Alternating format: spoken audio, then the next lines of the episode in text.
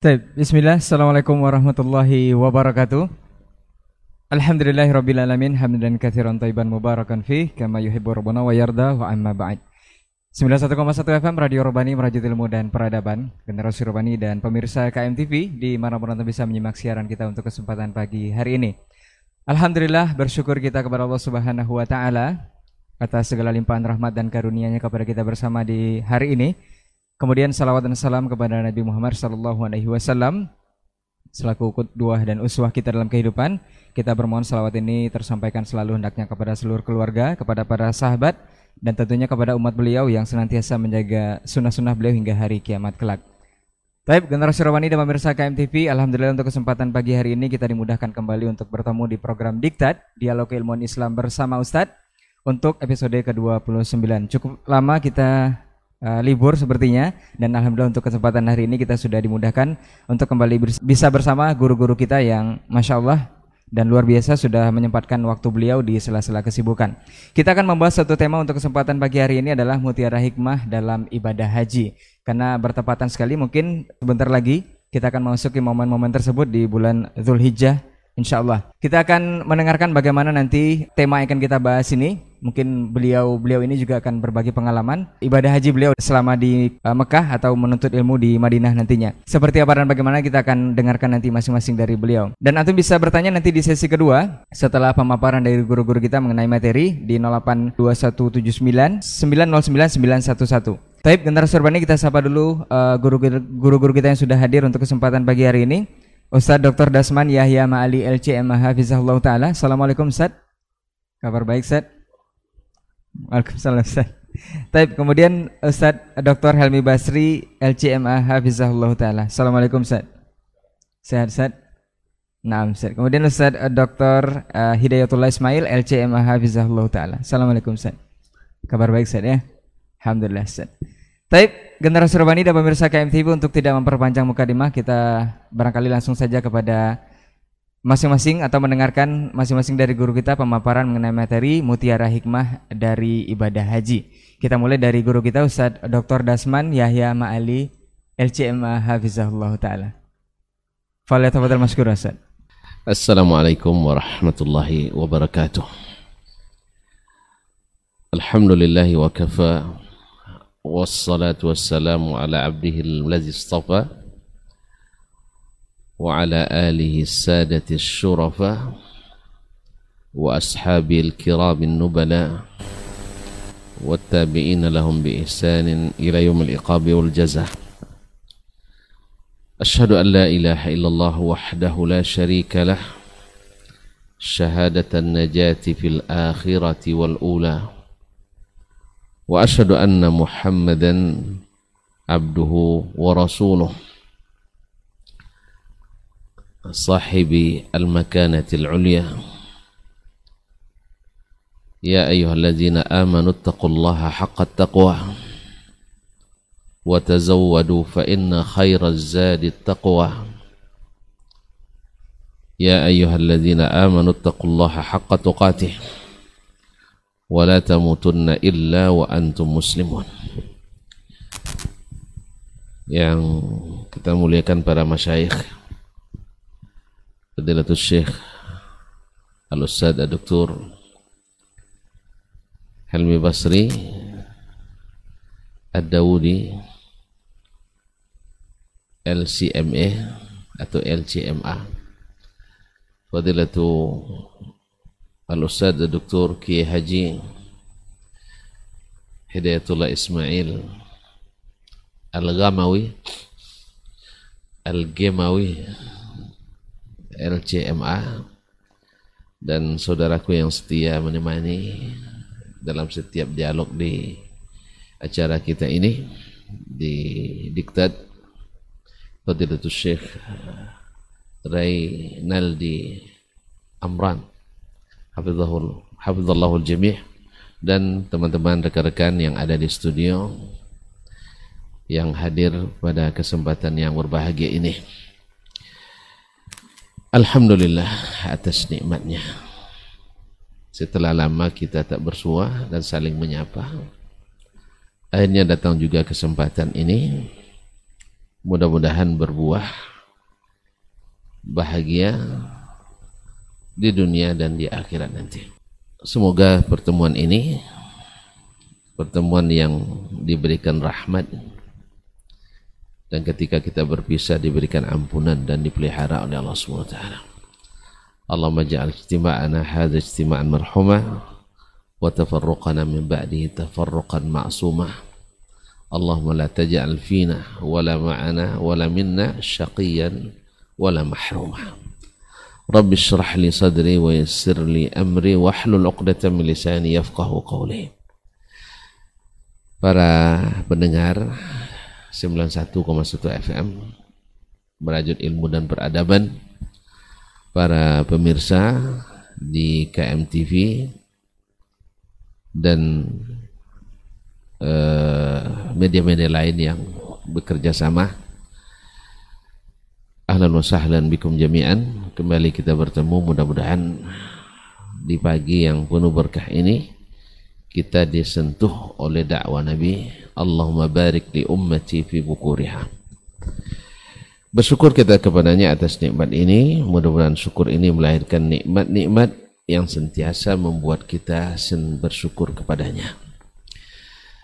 Ma'asyiral akarim wa al-karimat. Salawat dan salam kepada baginda Nabi alaihi salatu wassalam Alhamdulillah kita mencintainya. Mudah-mudahan Allah SWT menjadikan cinta kita diterima. Di saat kita bertemu, mudah-mudahan kita dekat dengannya. Mudah-mudahan dengan salawat dan salam kepadanya. Seperti yang dikatakannya, akrabukum ilayya manzilan yawmal qiyamati aktharukum alaiya salatan yang paling dekat denganku tempatnya di akhirat nanti yang paling banyak bersalawat kepadaku. Allahumma salli ala nabiyyina wa habibina wa sayyidina Muhammad wa ala alihi wa sahbihi wa tabi'in. Ma'asyil kiram. Pada hari-hari ini atau sejak dua atau tiga hari yang lalu telah sampai rombongan pertama jemaah haji dari Indonesia. Ke tanah suci. Dan Alhamdulillah Indonesia seperti yang sering dikatakan oleh orang Arab Saudi andainya dada kami dibelah maka yang pertama muncul adalah nama Indonesia. Artinya apa? Cintanya kepada kita sangat besar dan luar biasa Mudah-mudahan hati kita juga mencintai karena mereka adalah pelayan dua tanah suci. Dan bisa memaklumi segala kekurangan yang terjadi. Karena apa pun kekurangan yang ada pada mereka juga sama-sama kita miliki. Bahkan mungkin kita lebih banyak lagi kekurangannya. Kenapa orang yang sedikit kekurangannya tidak bisa kita maklumi? Kita yang berlumuran dengan kekurangan bisa-bisa membenci orang yang sedikit kekurangannya. Mudah-mudahan hati-hati kita disehatkan dari segala penyakit dan kedengkian. Mudah-mudahan perjalanan ini perjalanan yang diridai dan tamu-tamu Allah menjadi tamu yang berkesan sehingga masing-masing mendapatkan apa yang dijanjikan berupa ampunan dan keridhaan. Pada pagi ini kita berbincang, mungkin juga bersambung nampaknya Ustaz ya. Hah? Kalau Ustaz Helmi pasti banyak ini makasidnya di sini. karena berkaitan dengan makasid. Baik karena dipersilahkan saya memulai. Ya saya mulai. Tapi insya Allah tak sampai selesai. Ya mesti ada yang terbengkalai. Nanti akan dilanjutkan. Sehingga nanti disempurnakan oleh para masyayikh al-akarim. Ma'asyil kiram. Ada dua ibadah yang sangat ditekankan oleh baginda Rasulullah wasallam untuk benar-benar mengikutinya. Walaupun kita tahu bahwasanya asal muasal kita mesti mengikut Nabi alaihi. Tapi dua ibadah ini begitu ditekankan. Yang pertama adalah ibadah salat. Sallu kama ra'aitumuni usalli. Seperti dalam hadis muttafaqan alaih. Salatlah kalian seperti mana kalian melihat saya salat. Yang kedua adalah ibadah haji. Ibadah haji Nabi katakan juga dalam hadis muttafaqun alaih. Khudhu anni manasikakum. Ambil dari saya manasik haji kalian. Dan ada tambahannya fa inni la adri hal alqakum ba'da ami hadha. Saya tidak tahu apakah setelah tahun ini saya masih bertemu lagi dengan kamu. Ma'asyal kiram dirahmati Allah. Salat dijadikan sebagai lambang dan sifat yang pertama dan utama bagi orang yang bertakwa. Dan dia adalah rukun yang paling dicintai Allah setelah asyhadatain. Sehingga yang pertama nanti ketika dibuka catatan kita di akhirat adalah salat. Awwalu ma yuhasabu alaihi al-'abdu yawm al-qiyamah as-salat. Kita sekarang pergi merantau seperti kata Nabi kita ke dunia ini kun fid dunya ka'annaka gharib aw 'abiru sabil. Dunia ini juga darul amal wal akhiratu darul jaza. Dunia ini adalah tempat bekerja di akhirat tempat menuai tempat memetik dan mendapatkan hasil.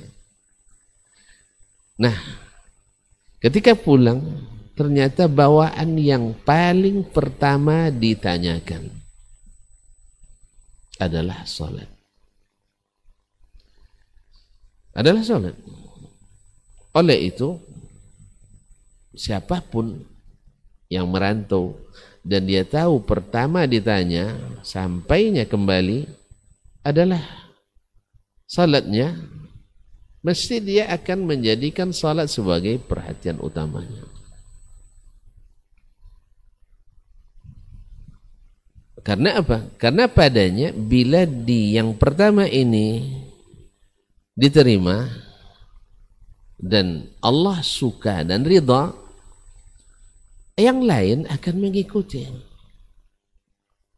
akan mengikuti idza saluhat saluha sairu amali bila salih salatnya ikut salih seluruh amalnya.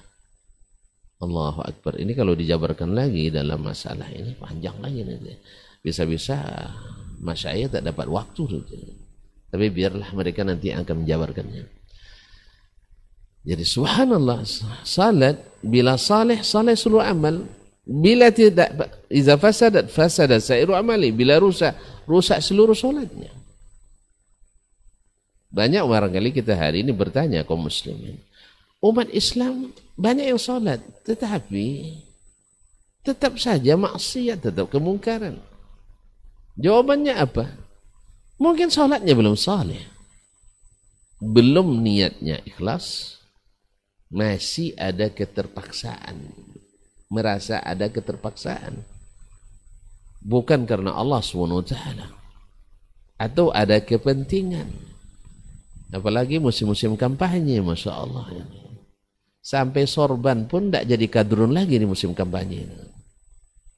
Jadi kalau musim-musim kampanye yang namanya sorban, jubah, bahkan mungkin jenggot sekalian, itu di musim kampanye bukan lagi tradisi Arab, bukan budaya Arab, tapi budaya pemilu. Allah.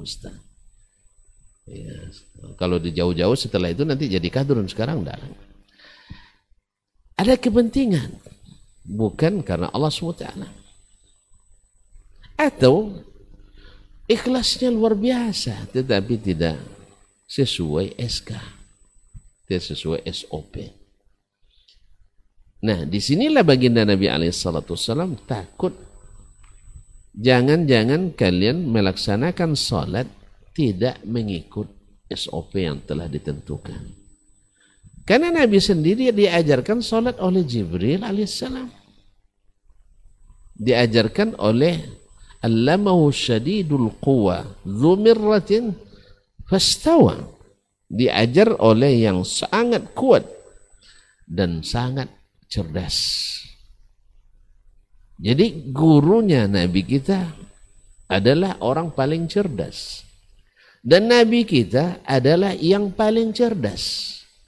Oleh sebab itu keterangan Nabi itu keterangan yang paling cerdas. Tidak ada yang lebih bisa menjelaskan syariat ini seperti yang dijelaskan oleh Nabi Sallallahu Alaihi Wasallam. Dan alhamdulillah, makanya Nabi katakan khudu apa namanya? Uh, sallu kama ra'aitumuni wa salli. Masa melihat aja tidak pandai. Alhamdulillah inilah yang dilihat oleh para sahabat kemudian diajarkannya kepada tabi'in berapa? Sering para sahabat yang mencontohkan salat di depan para para tabi'in. Saya sebenarnya tidak mau salat katanya. Tapi saya ingin melihatkan bagaimana Rasulullah sallallahu alaihi wasallam. Jadi ini raja pertama. Jadi Nabi tekankan sallu kama raaitumuni usalli Padahal puasa, tidak mungkin juga kita puasa kecuali ngikut Nabi alaihissalatu wassalam. Demikian juga dengan bersedekah dan sebagainya. Tapi pas di salat, Allah, eh, Nabi alaihissalatu wassalam tekankan ini. Sallu kama ra'aitumuni salli. Sebab apa? Pertama di akhirat, ini yang akan dibuka dulu bungkusan kita. Yang kedua, kepadanya bersandar ridha tidak ridhonya Allah pada kita. Saleh tidak salehnya amal kita. Memang siapa yang ini bisa kita lihatkan dengan kasat mata kaum muslimin dan muslimat, para pendengar dan para pemirsa. Bila orang berusaha sekuat tenaga untuk salat seperti Nabi, tak dikurangi, tak ditambah, tidak ada modifikasi, tak ada kreasi dalamnya, insya Allah di amalan yang lain tetap akan mencari bagaimana Nabi SAW melaksanakannya.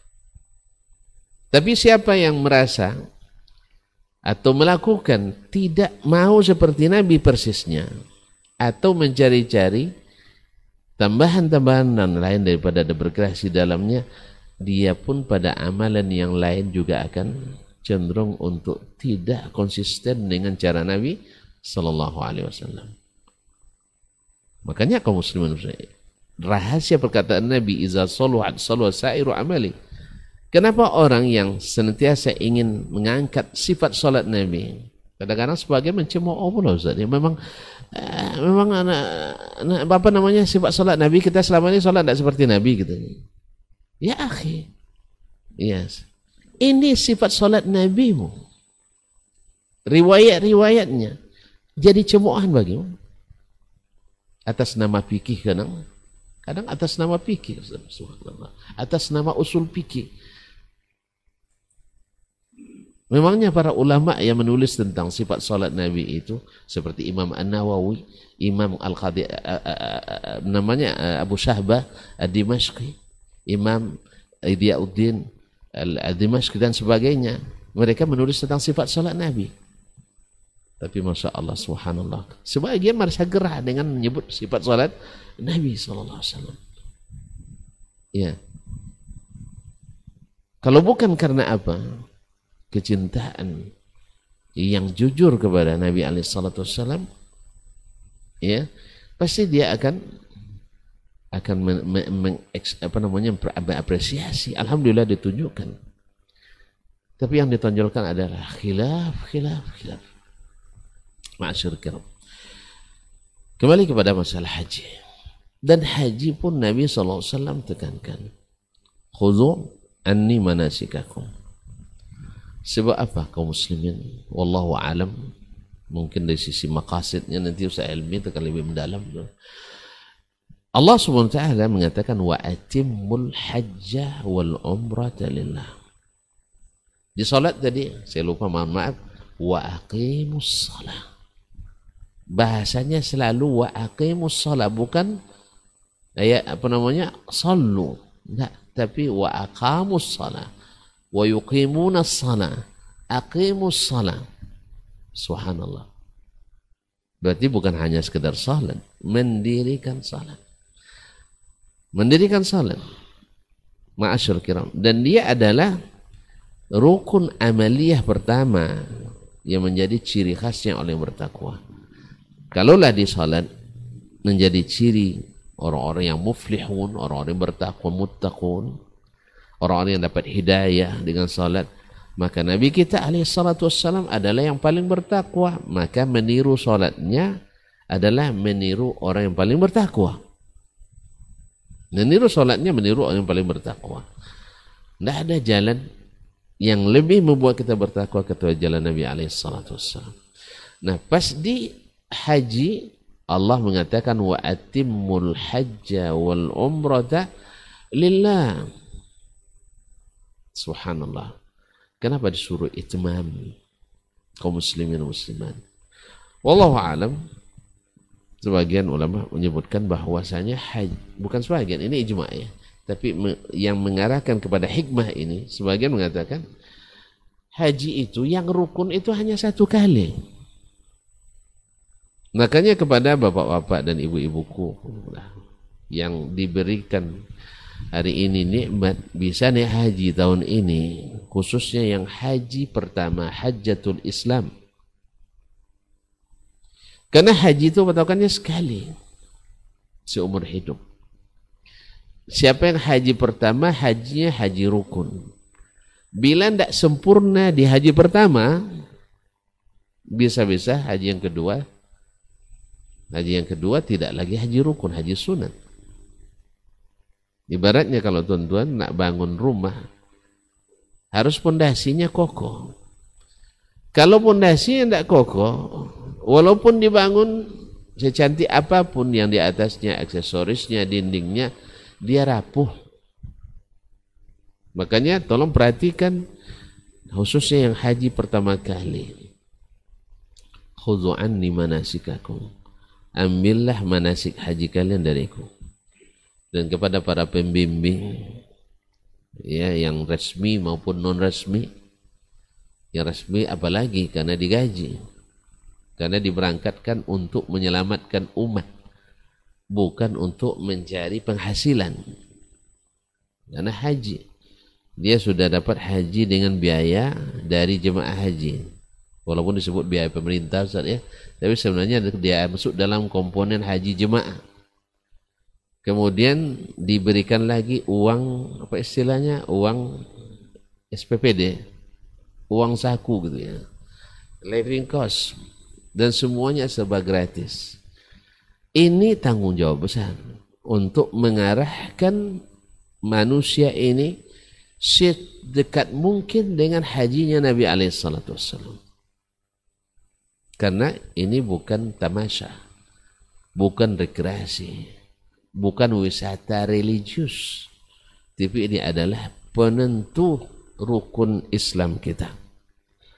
Maka Nabi katakan, Khudu anni manasikakum. Sebagai aplikasi dari perintah Allah, wa atimmul hajjah wal umrata lillah. Sempurnakan. Walaupun makna yang umum dibahas adalah bila sudah haji, jangan jangan pulang sebelum selesai haji. Artinya tidak boleh dibatalkan. Ini dari sisi fikihnya maknanya bila sudah ihram wajib hukumnya sampai selesai. Tidak boleh diputus di tengah jalan. Itu makna secara hukum wa atimul hajja wal umrata lillah. Tapi dari sisi makna kesempurnaan adalah sempurnakan haji dan umrah karena Allah dan haji yang sempurna itu adalah hajinya Rasulullah sallallahu alaihi wasallam maka ditekankannya untuk wa atimul hajja wal umrata lillah ditekankannya khudhu anni manasikakum ambil manasik haji kalian saya apa sebab Ma'asyarul kiram. Nabi kan menyaksikan sendiri bahwasanya haji itu oleh orang jahiliyah sudah dirubah-rubah. Sudah dirubah-rubah. Haji masih ada. Karena itu syariat. Dari dulu haji itu disyariatkan lagi. Khususnya ketika Nabi Ibrahim membangun Ka'bah bersama Ismail alaihi wassalam. Ibrahim sudah ajarkan haji yang mengandung tauhid.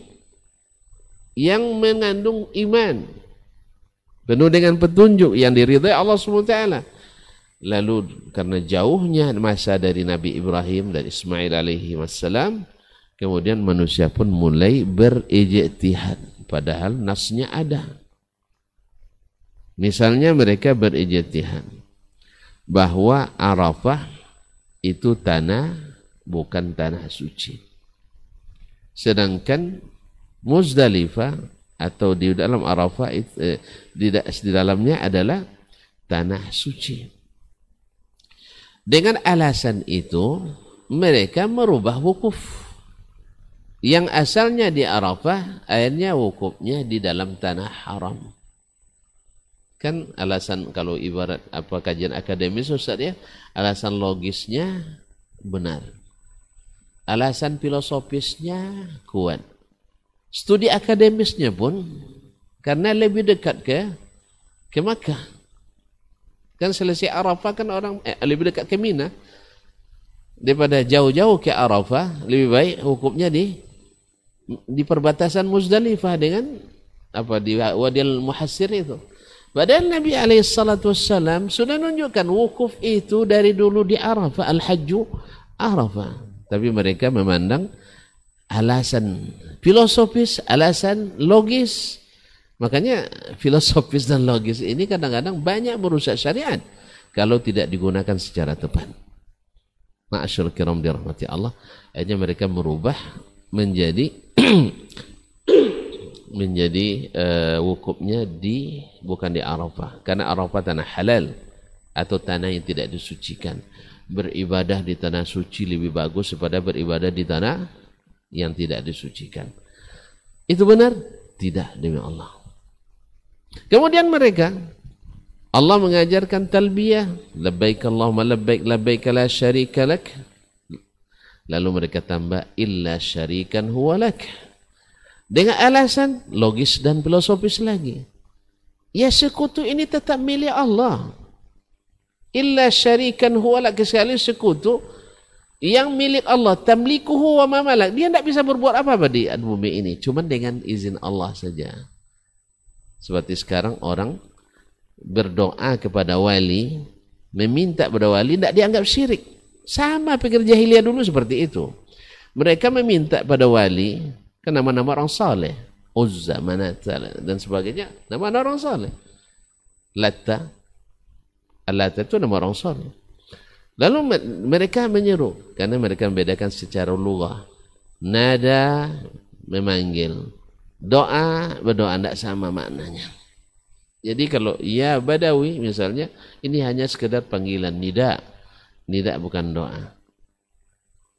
Subhanallah ini main akal-akalan alasan-alasan yang dia buat sehingga mereka menganggapnya bukan syirik.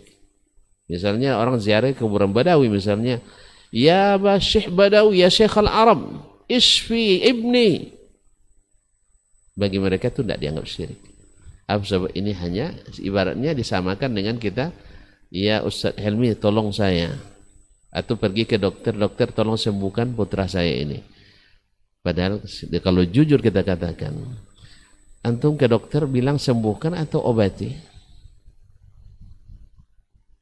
Tidak ada kita yang bilang sembuhkan saya tidak, tapi semuanya tolong obati, terapi, lakukan observasi dan sebagainya.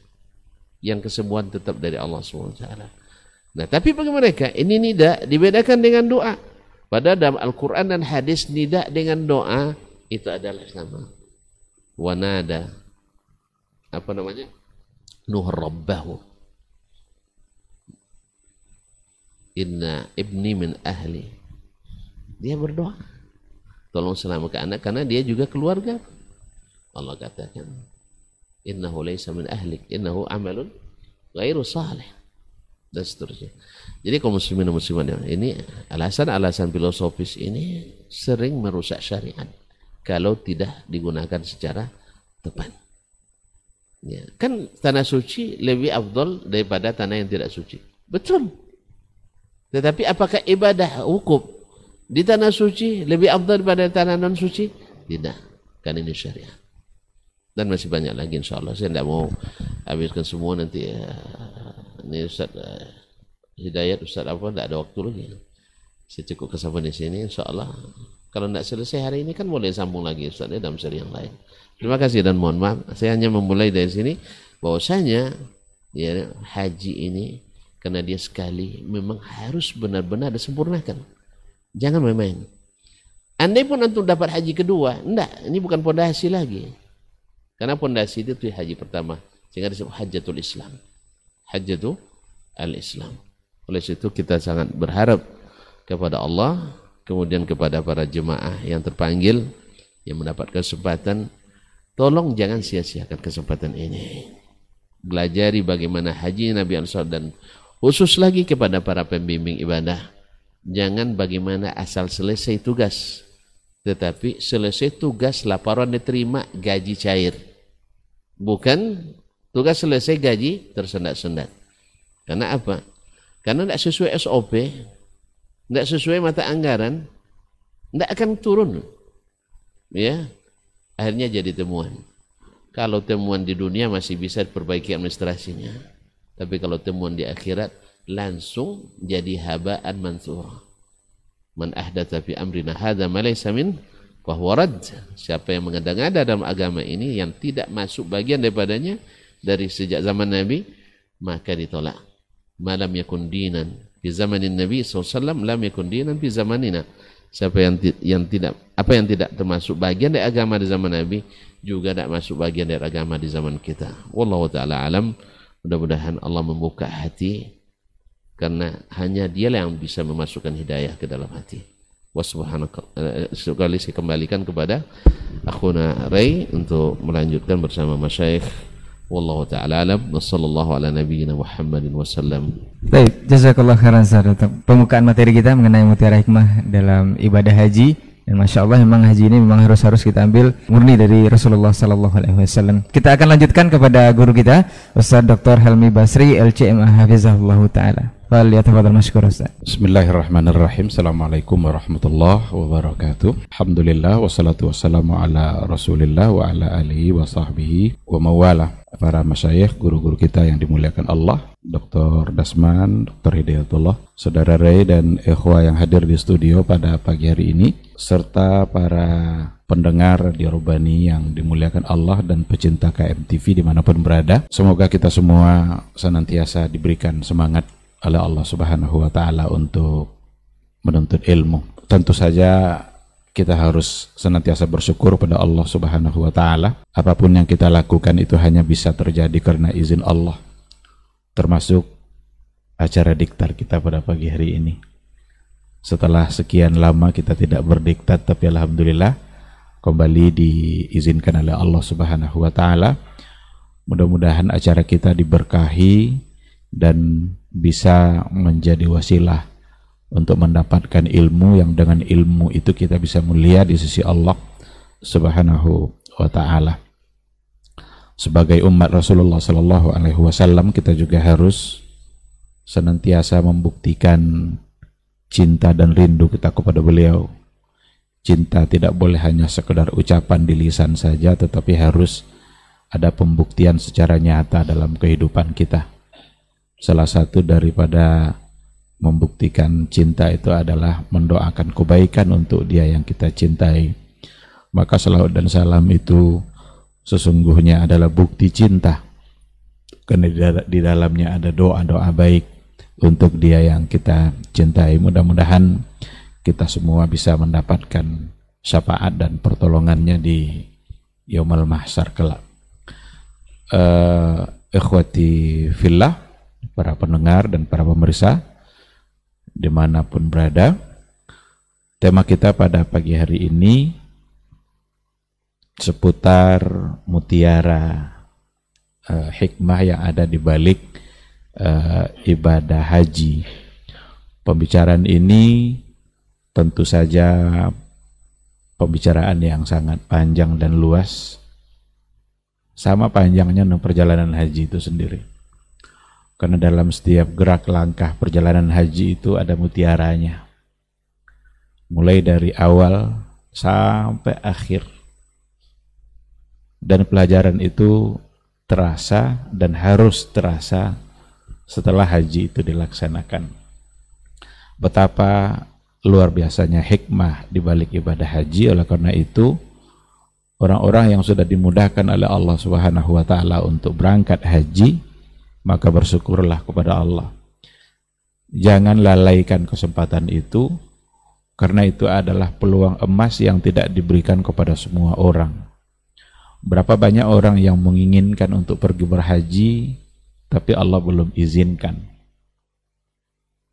Ketika ada orang-orang, saudara-saudara kita yang sudah dimudahkan untuk berangkat, sudah diizinkan oleh Allah untuk berangkat, yang mudah-mudahan benar-benar sampai ke sana. Karena ada juga orang sudah berangkat sampai dua tahun pulang lagi. Karena sakit atau karena ada satu hal yang tidak memungkinkan dia untuk melanjutkan perjalanan. Serahkanlah diri kita kepada Allah Subhanahu wa taala, mohonlah yang terbaik kepada Allah dan manfaatkan semua peluang-peluang kebaikan selama berhaji. Bersyukurlah itu adalah satu pintu kebaikan yang sedang ada di hadapan mereka-mereka yang dimudahkan oleh Allah Subhanahu wa taala untuk melaksanakan ibadah haji. Uh, ibadah haji itu bukanlah sebuah ibadah yang baru ada pada masa Rasul. Tapi ibadah haji itu sudah ada pada masa-masa sebelumnya. Uh, bahkan secara historis sejarahnya itu pelaksanaan ibadah haji itu melibatkan banyak sejarah para nabi. Bukan hanya sesuatu yang dimulai dari masa Rasulullah Shallallahu Alaihi Wasallam.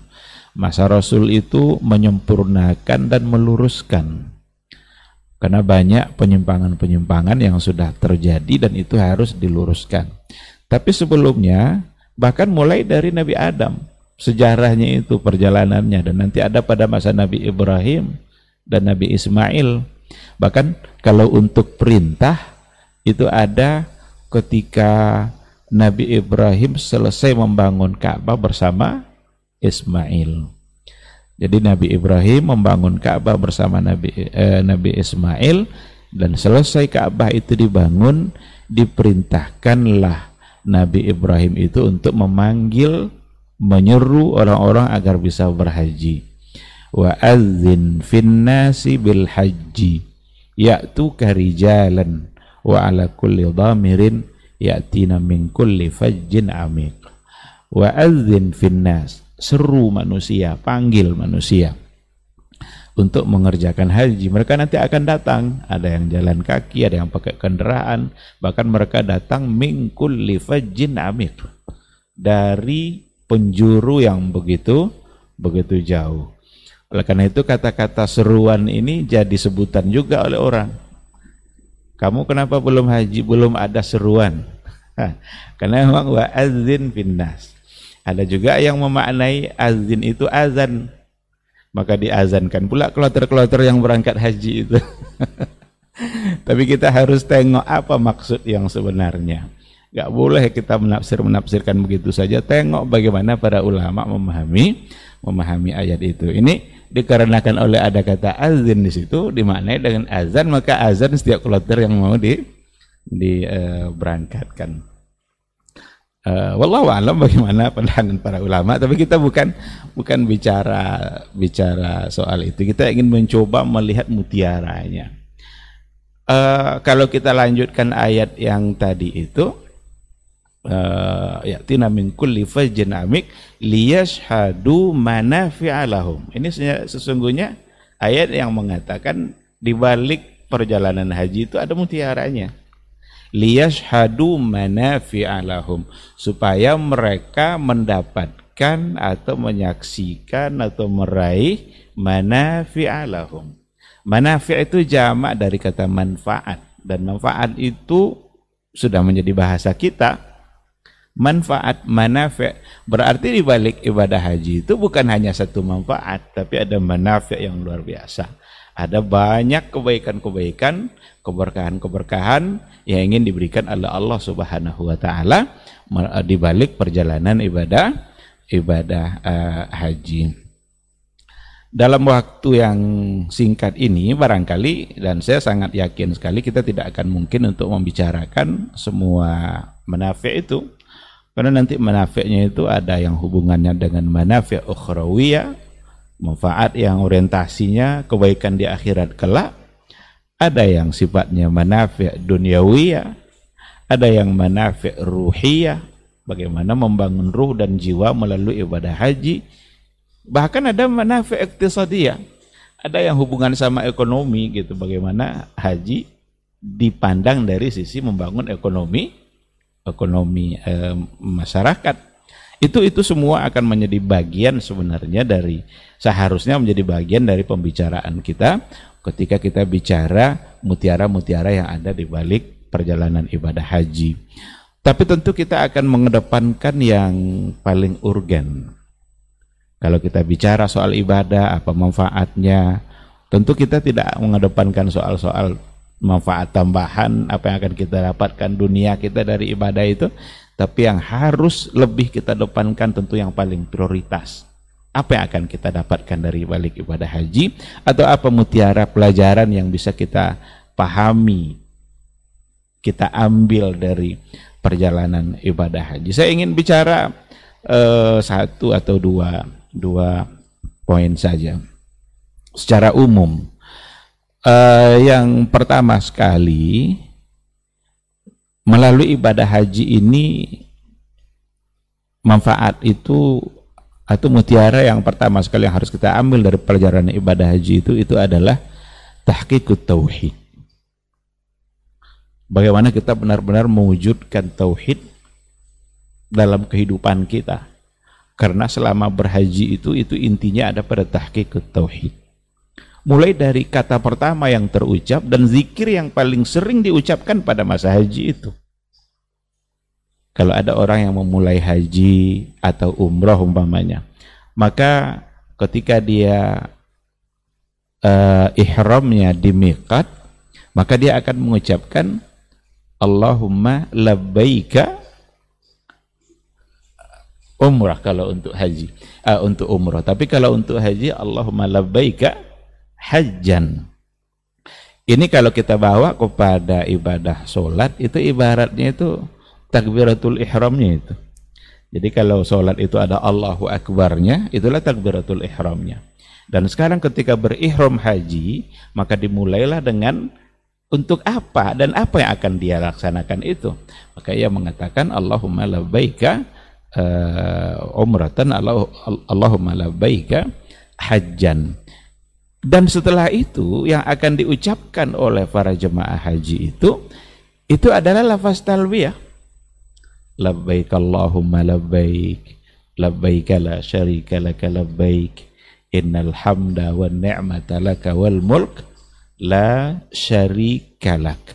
Inilah lafaz zikir yang akan paling banyak diucapkan oleh mereka-mereka yang mengerjakan ibadah ibadah haji sampai nanti mereka melontar melontar jumratul yang pertama ya ya. Jumratul uh, akabah yang paling dekat dengan maka kita kalau lihat apa arti dari yang diucapkan ini? Ini sesungguhnya adalah penekanannya ada pada tauhid. Bahwa dia datang itu mengabulkan panggilan Allah Subhanahu wa taala dia datang benar-benar hanya untuk mengabulkan panggilan Allah Subhanahu wa taala, bukan untuk tujuan-tujuan yang lain. Oleh karena itu, di sini harus niat dalam beribadah kita itu benar-benar hanyalah untuk Allah Subhanahu wa taala, bukan untuk tujuan-tujuan yang lain. Labbaik Allahumma labbaik, labbaik la syarika labbaik. Dan tauhid yang sesungguhnya itu uh, mengandung dua hal. Benar-benar mentauhidkan Allah dan benar-benar bara'a minasyirk. Bagaimana dia benar-benar uh, berlepas diri dari dari perbuatan syirik. Dan apa yang dibaca itu yang diajarkan oleh Rasulullah Shallallahu Alaihi Wasallam itu sebagai ganti dari apa yang tadi sudah dirubah-rubah oleh orang jahiliyah tadi. Karena orang jahiliyah mengatakan illa syarikun huwa huwa lak jadi kecuali ada syarik ada syarikatnya ada tandingannya dan huwa laka itu juga untuk untuk kamu maka dirubah itu sama Nabi la syarikalah ini penekanan tauhid yang sesungguhnya ada dalam dalam uh, ibadah haji gitu. Oleh karena itu bicara tauhid ini sangat penting sekali. Dan jangan pernah bosan untuk membicarakan tauhid. Harus diulang-ulang terus. Karena ini adalah pertanyaan di alam kubur nanti. Kalau pertanyaan di alam kubur ya pantaslah untuk kita ulang-ulang kita pahami dan kita terapkan dalam kehidupan kita. Kalau seandainya ada guru ngajar di sekolah, dia akan ulang-ulang itu poin-poinnya akan masuk ujian. Umpamanya ada satu materi, mana yang paling penting, mana yang yang akan ditanya dalam ujian nanti itu akan diulang-ulangnya dalam dalam penyampaiannya. Bahkan ditanya lagi, ini kalian sudah paham ini yang belum nih. Maka mengulang-ulang yang penting itu itu harus.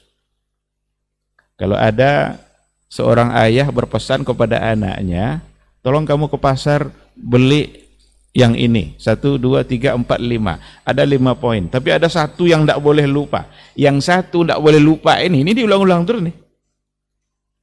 Jangan, pokoknya ah, jangan lupa yang ini jangan lupa yang ini itu menunjukkan itu sesuatu yang sangat yang sangat penting. Nah masalah tauhid itu adalah sesuatu yang paling penting dalam kehidupan kita, maka itu juga yang harus kita ulang-ulang untuk disampaikan. Itu juga yang harus kita ulang-ulang uh, agar dipahami secara secara betul dan agar uh, benar. Nah, oleh karena itu ungkapan talbiyah itu ungkapan yang terucap oleh orang yang berhaji yang menunjukkan bahwa dia datang benar-benar untuk mengabulkan panggilan Allah di mana Allah itu hanya satu yang pantas disembah Allah saja la syarika la syarikalah tidak boleh ada satu bentuk penserikatan pun terhadap Allah Subhanahu wa taala. Nah, jadi yang pertama sekali itu ada pada tahqiqut tauhid. Ada pada bagaimana mewujudkan nilai-nilai tauhid di dalam kehidupan kita dan itu diambil dari ibadah haji. Nanti kalau dia sudah pulang ke tanah airnya, nggak boleh ditinggalkan makna itu di sana. Makna itu juga yang harus dibawa ke tanah air. Karena sesungguhnya selamatnya kita dalam beragama ini ketika ada semangat kita untuk selalu mengabulkan apa yang diperintahkan oleh Allah jadi kalau dulu dia berhaji sudah ucapkan labbaik Allahumma labbaik walaupun nanti dalam hadis dikatakan ada suara di atas langit sana yang bilang la labbaik wa la sa'daik. Jadi ada di antara yang berhaji dia bilang labbaik Allahumma labbaik ternyata ada yang menyeru di langit sana la labbaik wa la sa'daik. Enggak diterima kamu, enggak ada kebahagiaan bagi kamu. Haji kamu tidak ada terima. Kenapa demikian? Karena ternyata makanannya dari makanan yang haram, pakaiannya dari pakaian yang haram, dia diberi e, nutrisi dari yang haram, anna yustajabulahu. Bagaimana mungkin doa-doanya didengarkan oleh Allah Subhanahu wa taala. Oleh karena itu, berangkat ke sana benar-benar dengan hati yang bersih, kemudian dengan harta yang bersih dan dengan itulah Allah mendengarkan eh, doa-doa uh, orang yang hadir di sana. Kalau kita lihat sindiran-sindiran yang juga datang kadang dalam bentuk-bentuk syair, ada orang yang berhaji dengan harta yang haram, tetapi hajinya tidak diterima, yang berhaji itu justru hanya ontanya saja. Apa bunyinya itu? Eh, iza hajajta bimalin lahu sukhutun ma hajajta walakin hajjatil iru kalau enggak salah Ustaz ya apabila kamu berhaji dengan harta haram ma hajajta kamu tidak berhaji walakin hajjatil iru yang haji itu onta-onta itu aja yang yang haji. Karena onta itu yang selamat dari dari yang yang haram tadi. Nah oleh karena itu keikhlasan niat di awal ketika berangkat ibadah haji karena dia akan menghadap yang suci sebagai tamu Allah yang maha suci, yang maha besar, maka dia harus datang dengan keikhlasan dan ketulusan hati dengan tauhid yang murni tanpa ada sedikit pun unsur-unsur kesirikan. Semangat mengabulkan seperti itulah yang tadi kita katakan harus sampai dibawa pulang nanti. Nanti kalau dia sudah sampai selesai haji pulang ke rumah kembali, dia siap untuk menerima apa pun panggilan Allah Subhanahu wa taala. Umpamanya dikumandangkan suara azan, hayya 'ala salah. Ada ndak kira-kira semangat untuk mengabulkan itu? Sebagaimana dia dulu mengabulkan panggilan Allah untuk ber, berhaji. Maka labbaik itu kalau kalau bahasa sehari-hari orang Arab lah baik itu itu untuk menunjukkan keseriusan dipanggil lebih kalau bapaknya manggil lebih itu keseriusan dia dalam mendengar uh, panggilan yang yang tadi itu kalau nanti ketika pulang dari haji disukseskan usahanya oleh Allah Subhanahu wa taala lalu kemudian sampai haul dan nisabnya kalau orang yang dimudahkan dan diberikan kelebihan harta sampai haul dan nisabnya, berarti ada panggilan Allah di situ. Apa panggilan Allah yang ada di situ? Itu dalam bentuk membayar zakatnya. Sekarang apakah dia masih punya semangat lebih baik itu tidak untuk menunaikan zakat, membayarkan harta dalam bentuk dalam bentuk zakat. Kalau dia bawa pelajaran itu pulang sampai ke rumah, maka semangat lebih baik itu akan terpelihara. Apa pun perintah Allah yang ada di hadapan dia, akan dia sambut dengan senang hati, akan dia sambut dengan semangat labbaik sebagaimana dulu dia mengerjakan haji dan diawali dengan kata kata labbaik. Itu yang yang pertama. Yang kedua, kalau kita lihat perjalanan ibadah haji itu itu adalah perpindahan dari satu ibadah kepada ibadah yang lain perpindahan dari satu bentuk kebaikan kepada kebaikan yang lain. Nanti dia akan dimulai dengan ihram. Ihram itu satu bentuk kebaikan. Kalau seandainya dia mengerjakan ibadah haji atau kita eh, kalau kita ambil dulu dalam umroh umpamanya, kalau dia mengerjakan umroh mulai dari eh, ihram itu dia terus akan menuju kota Mekah. Nanti sampai di sana dia akan mengerjakan tawafnya. Setelah tawaf dia akan mengerjakan sa'inya. Setelah sa'i dia akan mengerjakan tahallulnya untuk mengakhiri umrah pada saat itu. Kemudian nanti dia akan menunggu masa dalam bentuk beribadah sampai datang masa hajinya. Hari Tarwiyah tanggal-tanggal 8. Kemudian dia berihram kembali. Nanti menuju dia ke kota Mina. Besoknya uh, ke wilayah Mina. Besoknya tidak akan ke Arafah. Dari Arafah ke Muzdalifah. Muzdalifah ke Mina lagi. Lalu mabit tiga hari di, di Mina. Ini semua sesungguhnya adalah perjalanan perjalanan ibadah dan perpindahan dari satu ibadah kepada ibadah berikutnya. Oleh karena itu dalam kehidupan kita ini sesungguhnya ketika ketika kita mencoba untuk memaknai ayat faiza faragta fansab. Apabila kamu telah selesai dalam satu urusan, maka berpindahlah kepada urusan urusan yang lain. Bagaimana kita harus bisa diajarkan oleh perjalanan haji itu agar setiap detik waktu kita ini bisa bisa menjadi ibadah. Agar setiap waktu detik kita yang punya milik yang yang kita miliki ini semuanya harus menghasilkan kebaikan kebaikan yang akan membantu kita di akhirat kelak. Karena dia haji mengajarkan dia seperti itu. Selesai ini pindah pada yang lain, pindah pula pada ibadah yang berikutnya sampai selesai ibadah haji. Oleh karena itu tidak ada detik waktu yang terbuang. Tidak ada detik waktu yang tidak bernilai ibadah. Dan kasih sayang Allah Subhanahu wa taala kepada hambanya bisa Setiap detik waktu yang dimiliki oleh manusia, oleh setiap hamba Allah itu bisa bernilai bisa bernilai pahala dan bernilai kebaikan. Maka ini yang harus kita pahami baik-baik. Kita walaupun untuk sekarang tidak berangkat mengerjakan haji, tidak diberikan kesempatan untuk sekarang mengerjakan ibadah haji, mudah-mudahan yang belum berangkat pada masa yang akan datang dimudahkan oleh Allah untuk mengerjakan haji. Tapi pelajaran ini bukan hanya untuk orang berhaji saja. Pelajaran ini bukan hanya untuk mereka-mereka yang sudah dimudahkan melaksanakan haji. Bagi kita yang memahami persoalan haji, ini juga harus kita ambil pelajaran ini. Bagaimana kita harus bersemangat untuk mengisi setiap detik waktu kita untuk menjadikan dia bernilai pahala. Ini ketika dikatakan mengisi setiap detik waktu menjadi pahala, bukanlah yang dimaksud ini bahwa setiap waktu kita harus sholat, kita harus apa, kita harus di masjid. Enggak. Karena yang namanya ibadah dalam Islam itu kan bukan hanya ibadah mahbah saja. Tapi ada ibadah-ibadah lain yang bukan masuk dalam kategori ibadah mahbah. Tapi ada yang ghairu ghairu mahdah. Digabunglah antara mahdah dan ghairu mahdah sehingga setiap detik waktu kita akan bernilai akan bernilai pahala, bernilai kebaikan. Itu yang harus kita usahakan.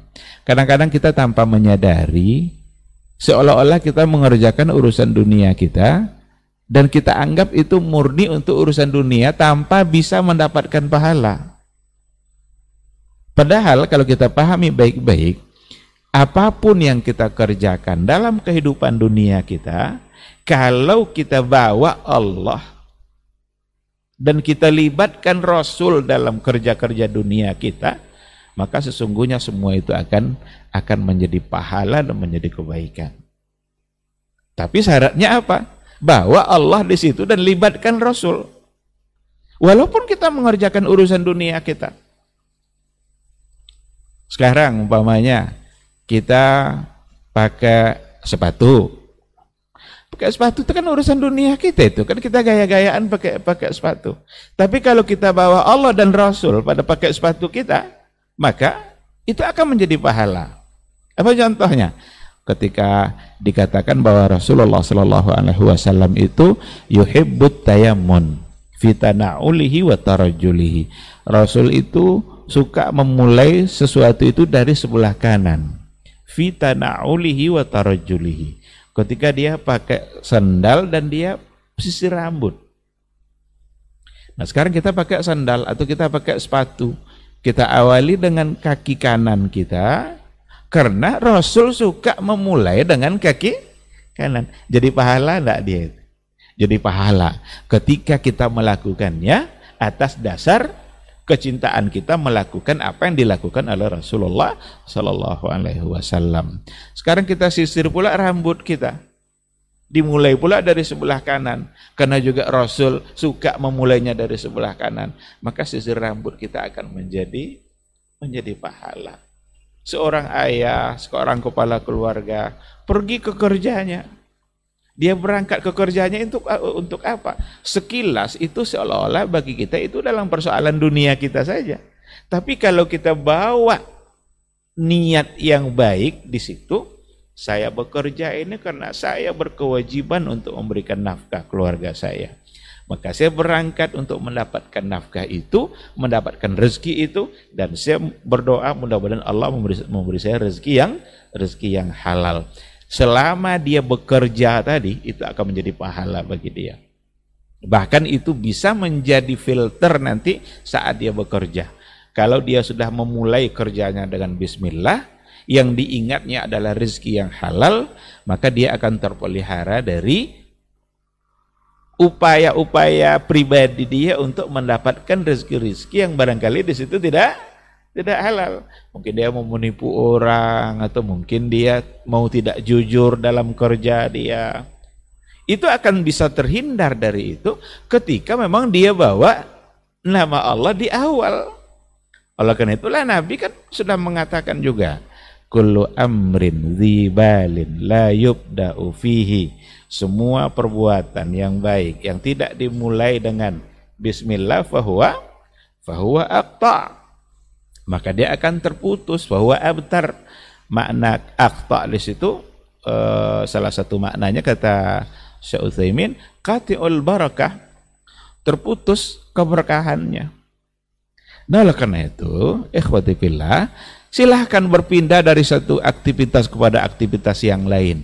Tapi upayakanlah perpindahan dari satu kerja ke kerja yang lain itu harus selalu mengandung kebaikan dan di situ ada nilai ada nilai pahala sebagaimana orang-orang berhaji itu berpindah dari satu aktivitas satu bentuk amalan kepada amalan amalan yang lain yang semuanya itu tujuannya adalah untuk mencari uh, ridha Allah Subhanahu wa taala. Ikhwati fillah uh, mungkin untuk sekarang saya ingin ambil dua dua poin itu pelajaran secara umum ya. Uh, padahal kalau seandainya kita ingin mencoba untuk mengambil mutiara-mutiara secara khusus dari perjalanan ibadah haji, tentu akan sangat banyak sekali. Dari tawafnya, dari sa'inya, dari wukuf di Arafahnya. Kenapa hari wukuf itu adalah hari yang paling dibenci oleh syaitan. Jadi hari yang paling dibenci syaitan itu hari wukuf di Arafah. Karena KO syaitan ketika itu. Saat ingin mencoba goda yang satu ini dia sedang baca Quran Goda yang satu lagi dia sedang berdoa. Mau goda lagi yang satu lagi dia sedang sholat. Tidak ada yang bisa dia goda.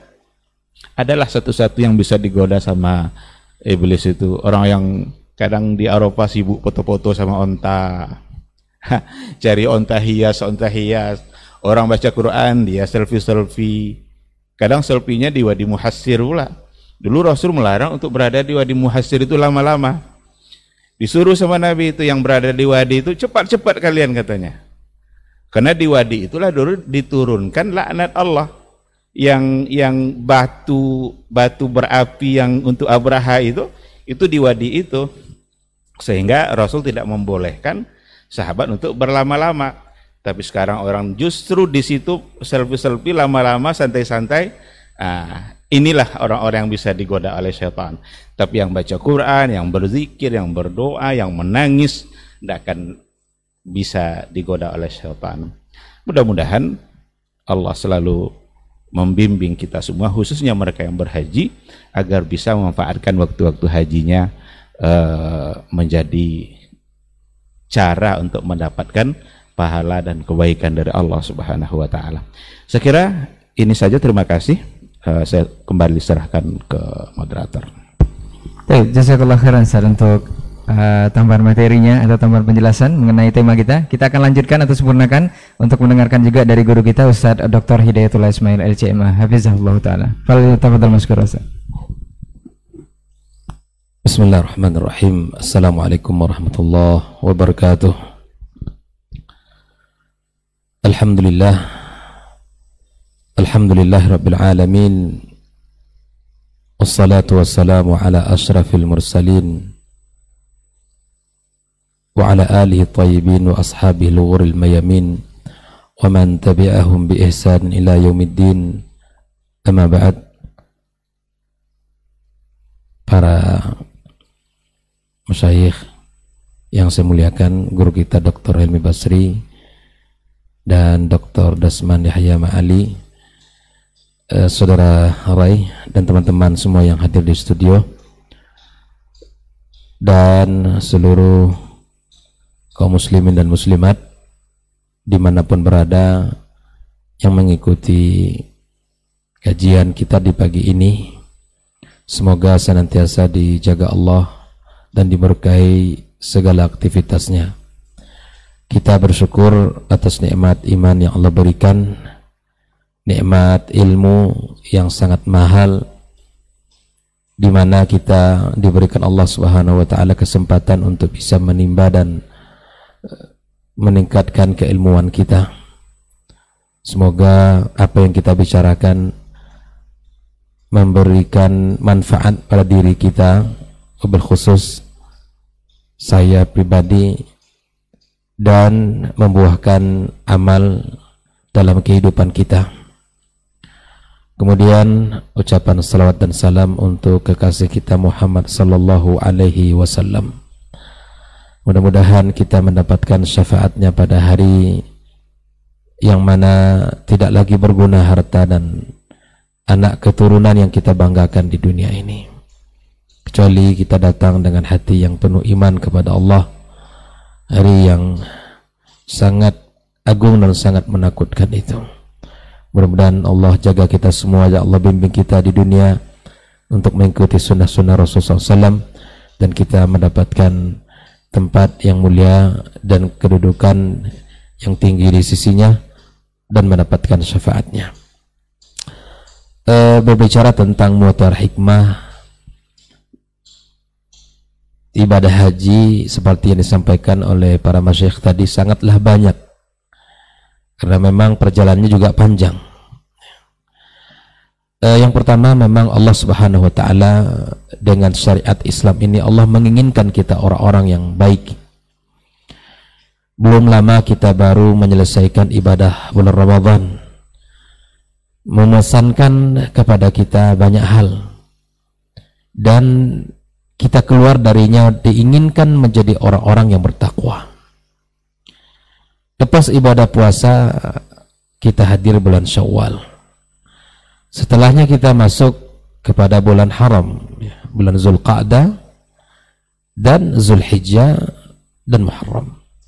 Nah, sekarang kita berada pada bulan-bulan yang dimuliakan Allah Subhanahu wa taala. Dan para tamu-tamu Allah yang berangkat untuk menunaikan ibadah haji pun sudah mulai bergerak berangkat safar menuju dua tanah suci. Insya Allah ada yang dulu berangkat ke Madinah dan ada yang mungkin langsung berangkat ke kota Mekah. Kalau kita melihat dari perjalanan itu, maka ada ibadah yang mana ibadah haji ini luar biasa. Ya. Allah Subhanahu wa taala menyebutkan walillahi 'alan nasi hajjul baiti man istata'a ilaihi sabila. Hanya orang-orang yang mampu saja yang Allah wajibkan ibadah ini, ibadah yang spesial. Makanya ibadah haji bukan hanya sekedar ibadah fisik, tapi di situ ada nilai ibadah yang kita harus mengeluarkan harta kita. Ada ibadah yang cukup semangat saja, gitu kan? Ya seperti eh, tidak perlu modal. Ibadah-ibadah salat kita kita jaga dalam keseharian kita. Azan dikumandangkan kita berangkat menuju rumah Allah. Kita salat berjamaah. Ya. Ada yang hanya subhanallah dalam setiap keadaan kondisi kita bisa beribadah dengan berzikir kepada Allah Subhanahu wa taala. Kita butuhkan semangat. Tapi ibadah haji, ibadah yang e, membutuhkan tidak hanya semangat, keinginan, tapi dia juga dibutuhkan harta. Dan pahalanya cash dari Allah Subhanahu wa taala. Seperti hadis ini dibacakan oleh guru kita tadi, ya al-hajjul mabrur laisa lahul jaza ilal jannah. Atau dalam hadis yang lain Nabi mengatakan, ya man hajjalillah falam yarfuth wa lam yafsuk raja'a kayaumin waladathu ummuh. Ya, orang yang berhaji karena Allah tidak melakukan rafath ya, kemaksiatan di situ dan al-fusuk ya. Maka dia Allah berikan pahala yang luar biasa seperti mana dia dilahirkan oleh ibunya, bersih dari dosa.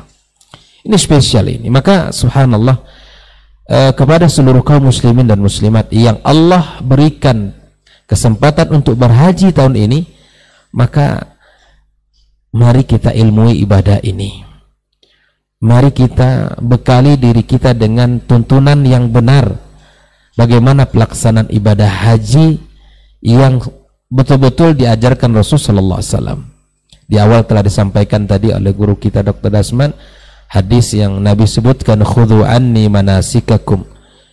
Ini menunjukkan sebuah perhatian khusus dari Nabi. Karena ibadah ini penting ibadah ini sangat luar biasa. Makanya kita mencontoh Rasulullah SAW dan bagaimana ya dilakukan ibadah haji itu dengan benar. Nah kemudian di samping ilmu yang mesti kita bekali di samping ilmu yang mesti kita miliki bersama maka kita lihat bahwa pelaksanaan-pelaksanaan ibadah haji itu subhanallah Subhanallah. Kalau kita ingin lihat lebih dari kecil ya dari apa yang disampaikan oleh guru-guru kita tadi, eh, di mana kita di dalam ber, eh, berhaji itu, eh, baik itu mengawali dengan umrah misalnya, atau dengan eh, ibadah haji itu, mestilah kita akan berpakaian cuman dua lembar bagi laki-laki, ya, selendang dan sarung. Ini menunjukkan kesederhanaan, mengajarkan kesederhanaan kepada kita. Siapa pun dia di dunia ini, manusia biasa, rakyat jelata, atau para pemimpin-pemimpin dunia, para raja, orang-orang kaya, yang dia bisa membeli baju dengan berbagai jenis ya dan berbagai uh, tingkatan har apa harganya. Bisa. Tapi di saat dia berhaji atau melaksanakan ibadah umrah maka dia hanya memiliki dua pakaian itu. Pakaian putih. Dan ini mengajarkan kesederhanaan bagi kita dalam kehidupan. Mengajarkan kesederhanaan kepada kita di dalam segala urusan kita tanpa terkecuali. Dia hanya berpakaian itu. Kemudian eh, ketika nanti jemaah haji ya saya ingin melihat dari sisi satu sisi dari sisi pelaksanaan ibadah tawaf misalnya ini syariat yang sangat agung sekali. Kita akan memulai ya dengan mengucapkan bismillah Allahu akbar. Kita berputar sebanyak tujuh kali. Kita coba perhatikan kaum muslimin kaum muslimat rahimakumullah kita mengelilingi Ka'bah yang dimuliakan. Dan kita mengucapkan uh, lafaz-lafaz yang sangat dianjurkan. Ya, memiliki uh, ucapan tasbih, tahmid, takbir bahkan doa-doa kita kita kita baca di saat-saat kita bertawaf itu. Tapi ada satu hal yang barangkali mesti kita jadikan renungan kita bersama dari pelaksanaan ibadah tawaf ini. Di dalam pelaksanaan ibadah tawaf itu dimulai dari eh, Hajar Aswad dan di mana Ka'bah berada di sebelah kiri kita. Jangan coba dibalik. Atau jangan coba kita memutar diri gitu. Dan ini adalah sebuah pelajaran mahal. Ya. Apabila di saat melaksanakan ibadah tawaf itu saja kita mencoba memutar atau melawan arus gitu kan melawan arah misalnya maka jangan coba-coba karena itu akan berbahaya bagi bagi dirinya. Begitu juga dengan syariat Allah tabaraka wa taala. Dengan sunnah Rasul sallallahu alaihi wasallam. Apabila syariat ini kita jalankan dengan baik, maka kita akan merasakan bahwa Islam itu rahmah. Kita akan merasakan indahnya beragama dan kita akan merasakan betapa nikmatnya menjalankan perintah Allah Subhanahu wa taala. Tetapi di saat syariat Allah ini kita coba untuk dilawan, kita coba untuk melanggarnya, maka kita akan kewalahan dan bahkan kita akan kalah di situ. Makanya subhanallah, ketika syariat ini dikatakan mudah oleh Nabi kita sallallahu alaihi wasallam lakukan sesuai dengan apa yang telah disyariatkan. Jangan pernah kita mencoba untuk melanggar bahkan mencoba untuk melawannya. Jangan pernah. Dalam urusan dunia saja kita akan ya dalam urusan dunia kita akan akan sulit apalagi dalam urusan akhirat kelak. Ya, kita akan berhadapan langsung dengan Allah Subhanahu wa taala. Ini memang pelajaran mahal ini, subhanallah. Mungkin para masyayikh juga merasakan di saat kita tahu Ustaz ya, Masya Allah. Ikuti aja arus walaupun pelan. Ikuti arus walaupun pelan. Ikuti ke mana? Jangan coba untuk nak merobos ke kiri, ya, gitu kan? Atau nak menerobos lebih cepat lebih dekat mungkin lebih cepat selesai. Itu berbahaya. Berbahaya. Di dunia saja berbahaya. Apalagi akhirat kelak. Di syariat Allah ini kita coba untuk kita terobos ya. Kita coba untuk langgar. Berani kita untuk mengatakan yang uh, itu halal kita katakan yang haram atau sebaliknya.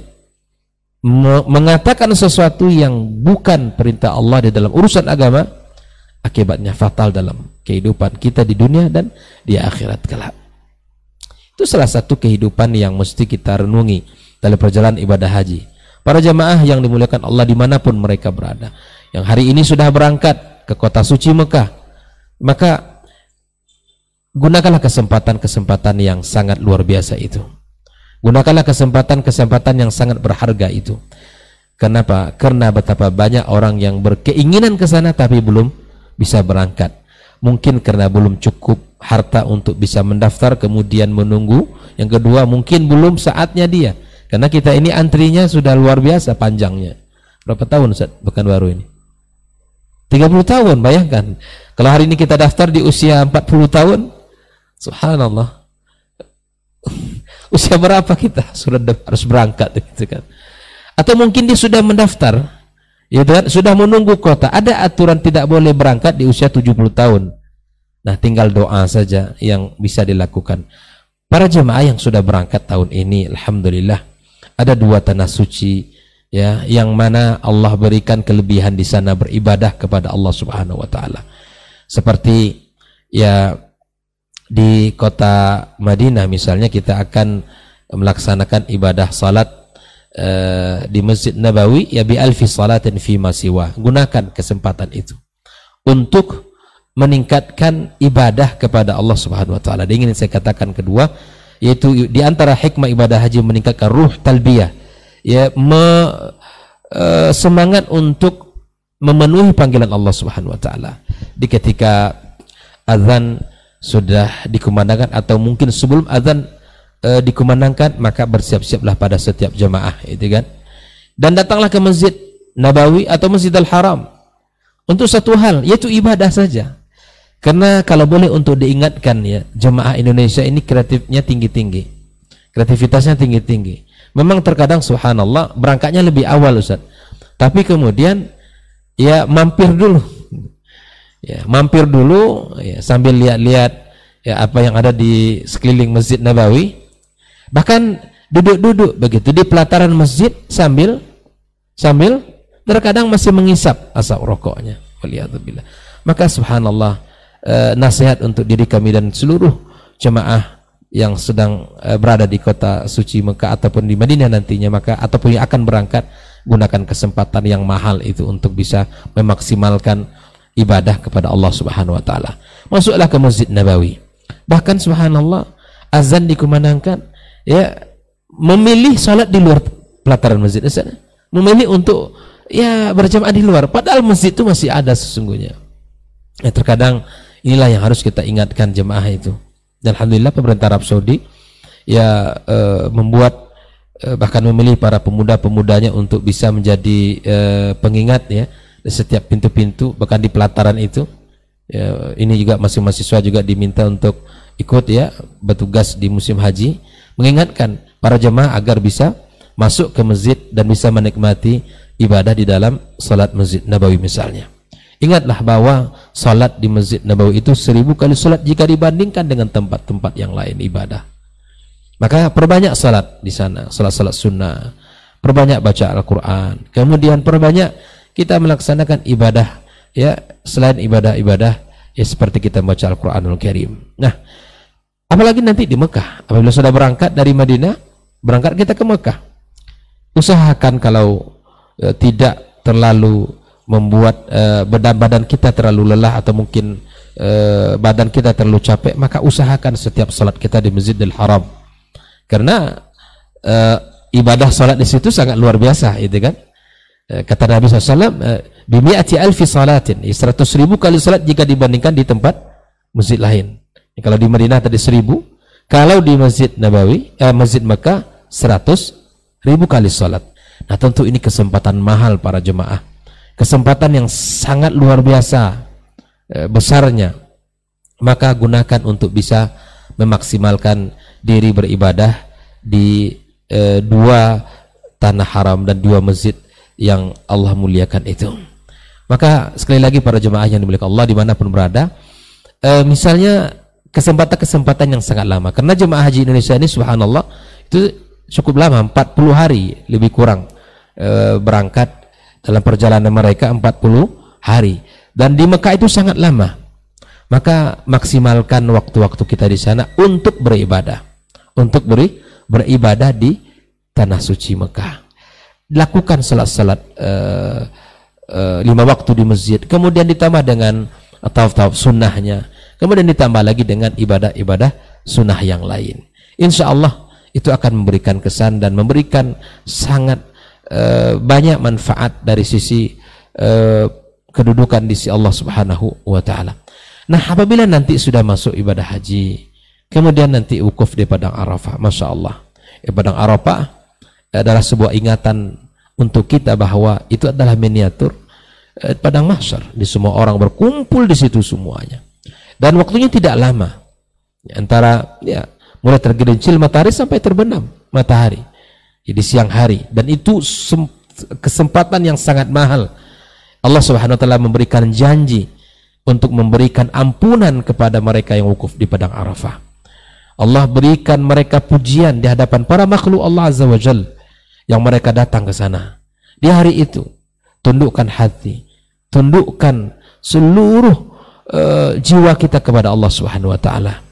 Ya, dan waktu wukuf itu waktu yang sangat syahdu di mana semakin sore semakin lezat untuk bermunajat kepada Allah Subhanahu wa taala. Tapi seperti ini disampaikan oleh guru kita Dr. Ilmi tadi, ya memang Allah ya, Allah berikan kepada orang-orang yang Allah berikan kemuliaan. Karena tidak semua orang berada di saat itu mereka menggunakan waktu secara maksimal.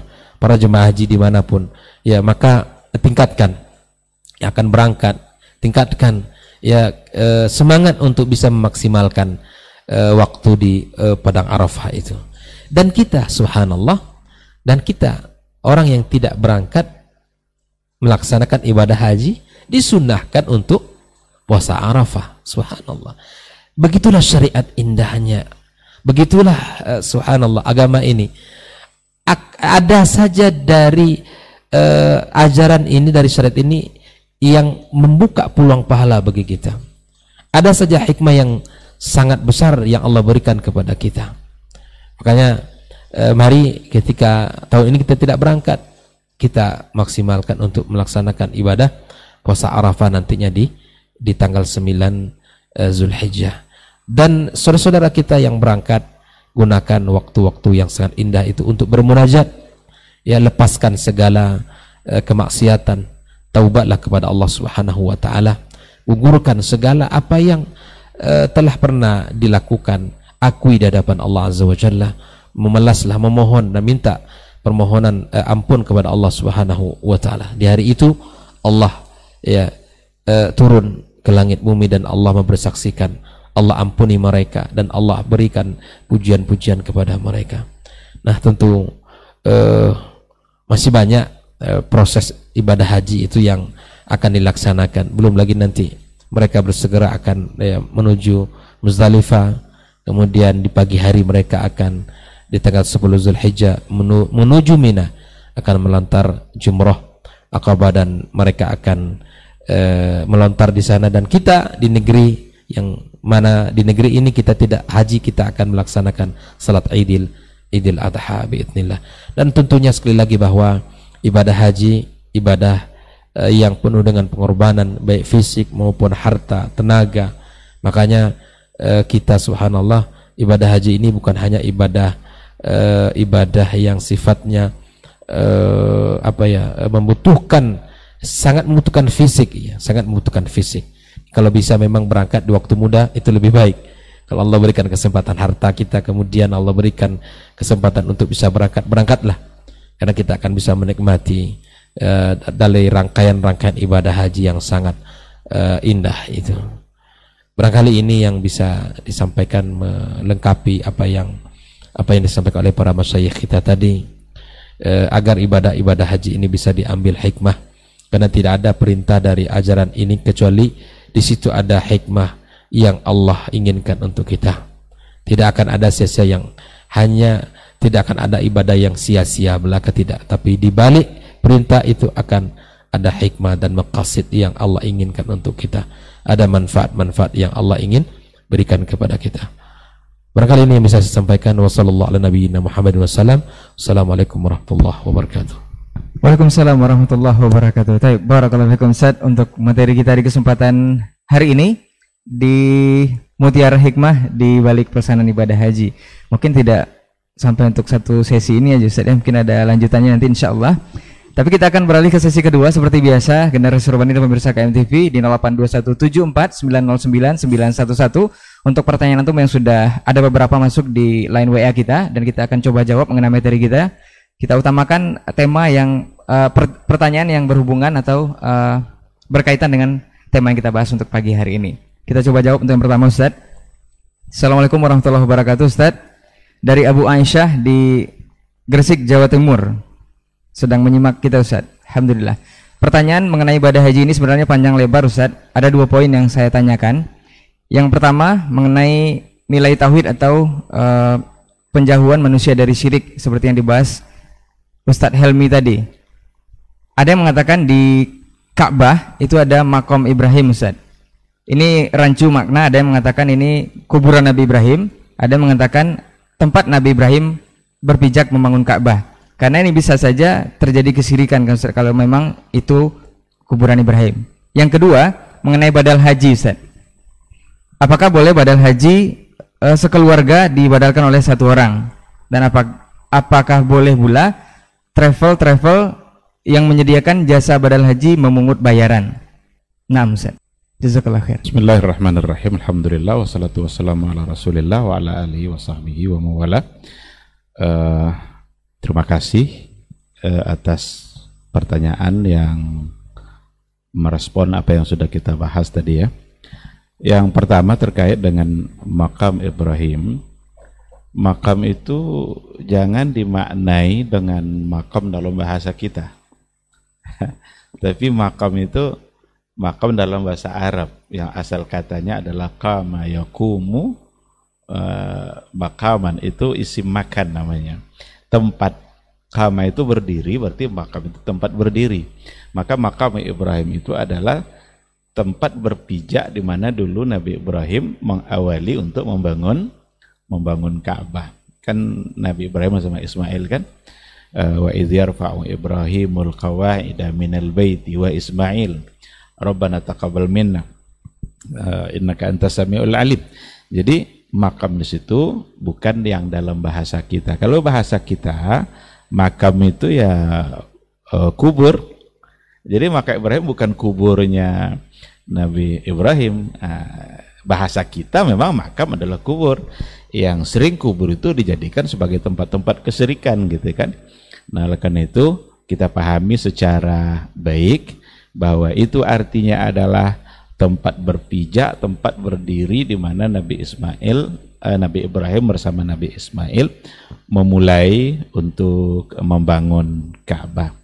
Dan itu diabadikan maka makam Ibrahim ada bekas bekas telapak kaki Ibrahim yang itu juga kadang-kadang disalahgunakan oleh sebagian orang untuk melakukan satu keserikan dicium-ciumlah uh, makamnya itu apa namanya kaca yang ada di situ.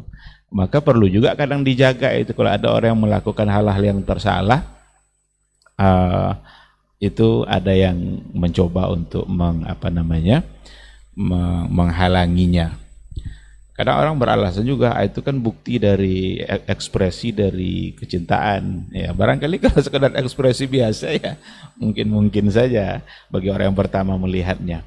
Tapi itu bisa menjadi wasilah. Maka dalam konsep saddu zari'ah itu perlu dicegah agar tidak menuju kepada hal yang lebih hal yang lebih eh, salah lagi. Maka dengan demikian memang harus benar-benar bersih dari syirik dan memurnikan tauhid kepada Allah Subhanahu wa taala dalam berhaji yang tergambarlah dalam ucapan talbiyah itu. Ketika dikatakan labbaik Allah tetapi ujungnya adalah la syarikalah. Tidak boleh ada satu bentuk keserikan pun. Satu bentuk keserikan pun. Karena ada orang menganggap sesuatu yang sebenarnya itu uh, mengandung unsur keserikan tapi dianggap tidak sebagaimana orang-orang jahiliyah dulu yang ketika menjadikan patung-patung sebagai tempat mereka uh, apa meminta. Tapi bagi mereka itu tetap meminta kepada Allah. Kata mereka seperti itu. Uh, mana buluhum illa liyuqarribuna ilallahi zulfa. Kami sebenarnya tidak menyembah patung itu. Itu hanya cara untuk mendekatkan diri kepada kepada Allah. Padahal kalau kita lihat ayat kan ada wa annal masajida lillahi wa la tad'u ma'allahi ahada. Wa la tad'u ma'allah, janganlah kalian berdoa ma'allah ahada. Jadi janganlah berdoa kepada seorang pun bersamaan dengan Allah. Berarti membawa yang lain bersama e, berdoa kepada Allah itu sudah menjadi satu keserikan. Ah, dan itu harus dihindarkan gitu. Walaupun ujung-ujungnya kepada Allah, tapi membawa yang lain ma Allah itu kan itu larangan tadi itu. La tad'u ma'allahi ahada. Sekarang disebut-sebutlah mungkin eh, nama-nama uh, siapa gitu orang-orang wali-wali yang barangkali dianggap keramat. Jangankan kepada wali membawa nama Rasul saja kalau sudah sebagai tandingan seperti itu digandengkan ya itu tidak di tidak di, dibolehkan. Karena Rasul itu adalah uh, seorang Rasul tapi dia bukan seorang uh, yang sampai tingkat uh, keberadaannya martabatnya sebagai ilah. Yang ilah itu hanyalah Allah. La ilaha illallah. Ah, jadi dengan demikian benar-benar murnikan tauhid dan benar-benar jauh dari dari syirik. Sedangkan untuk yang pertanyaan yang kedua itu persoalan badal haji ya badal haji memang itu dibahas dalam buku-buku fikih oleh para ulama dan itu dibolehkan uh, berdasarkan kepada hadis dan riwayat yang ada di antaranya adalah hadis uh, yang disebut sebagai hadis subrumah. Ada orang yang lontar jumlah Bismillahirrahmanirrahim Allahu Akbar li subrumah. Dengar sama Nabi itu siapa itu subrumah itu kata Rasul. Itu saudara saya yang saya hajikan sekarang. Lalu Rasul nanya, eh, kamu sudah haji belum? Ternyata dia belum haji. Ah, dan Nabi mengatakan haji an nafsik summa haji an subrumah. Hajikan dulu diri kamu, setelah itu barulah boleh menghajikan subrumah. Awak belum haji lagi, awak hajikan pula orang lain kan. Berarti melakukan sesuatu yang kita sendiri belum belum melakukan. Maka secara hukum itu boleh dengan syarat memang yang melakukan sudah sudah berhaji duluan dan yang dihajikan ya sudah meninggal gitu kan. Karena kalau dia masih hidup barangkali nanti ada kesempatan dia mengerjakan haji. Tidak pula semua orang yang boleh mengerjakan untuk siapa yang dia mau gitu kan. Maka syarat ini harus ada. Dan untuk diketahui, haji itu tidak boleh sekali haji untuk satu keluarga. Kalau itu yang ditanyakan tadi ya, satu kali haji lalu dikerjakan untuk satu keluarga. Tidak, satu badal haji itu hanya untuk satu untuk satu orang. Nah, ini jangan tertipu nanti kadang ada orang-orang yang tidak bertanggung jawab, ada oknum lah ya katakanlah oknum. Eh, nggak uh, tahu sekarang masih ada tapi dulu dulu waktu kita di sana itu ada ya. Ada orang yang siap untuk menghajikan uh, untuk lima orang gitu. Dia kita kadang tertarik dengan tawaran. Yang dia minta murah. Dia murah memang. Tapi kalau dikali lima jadi mahal kan jadi sekali perjalanan hajinya itu untuk lima orang untuk lebih dari satu orang itu tidak di tidak dibolehkan jadi hanya untuk satu saja. Dan secara hukum fikih berdasarkan kepada hadis tadi, para ulama mengatakan itu di, dibolehkan. Sekira itu mudah-mudahan guru-guru kita bisa menambahnya. Allahu a'lam. Nah, jazakallah khair. Ustaz ada tambahan?